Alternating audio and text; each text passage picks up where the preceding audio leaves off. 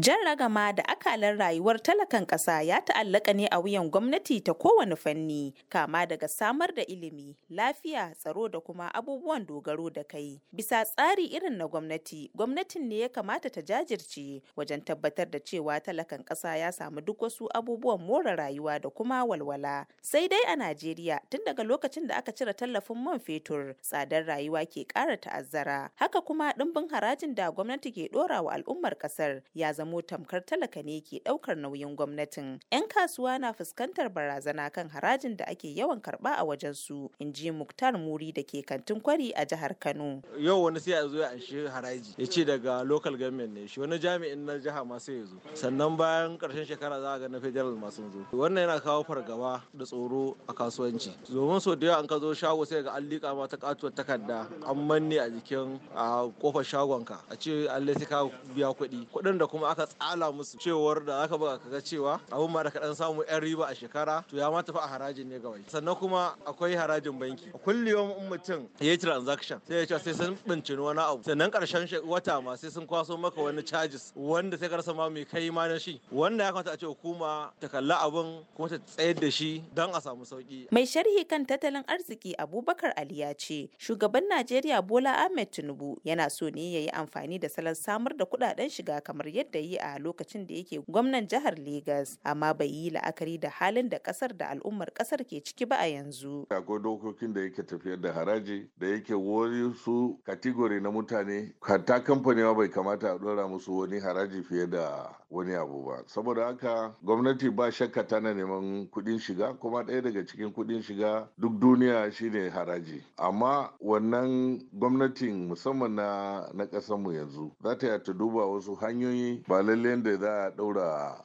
masu fafutukan neman abinci haraji ba. A rage yadda ake tafiyar da wato tsadan gwamnati da kuma irin almabazarancin da ake tafiya da gwamnatin da kanta. Ya kamata tattalin arzikin na abun ƙasa ta yi. A nasa jawabin game da yawan harajin ministan labaru muhammad idris ya ce gwamnati za ta duba tsarin biyan harajin domin al'ummar ƙasa su samu sauƙi. Akwai kwamiti wanda shi mai girma shugaba bola ahmed tinubu ya kafa domin a duba wa'annan abubuwa da suka shahi haraji na ƙasa gaba ɗaya. Wannan kwamiti har ya ba da wato rahoto na wucin gadi kuma suna nan suna aiki tukuru domin a samo wato ainihin babban rahoto wanda za mu gwamnati za ta aiki da shi. Dalili shine a duba wannan duka harajika da ake sawa domin a rage su. Wasu wurare za ga an sa haraji kashi ɗaya kashi biyu kashi uku. To ba wai wannan gwamnati ba ne ta sa su. Dama wannan haraji haraji yana nan ne ya riga ya daɗe ana ta yi. To shi shugaba Bola Ahmed Tinubu saboda tunaninsa na kawo sauƙi ga al'ummar Najeriya ya ce a tsaya a duba wannan haraji a sake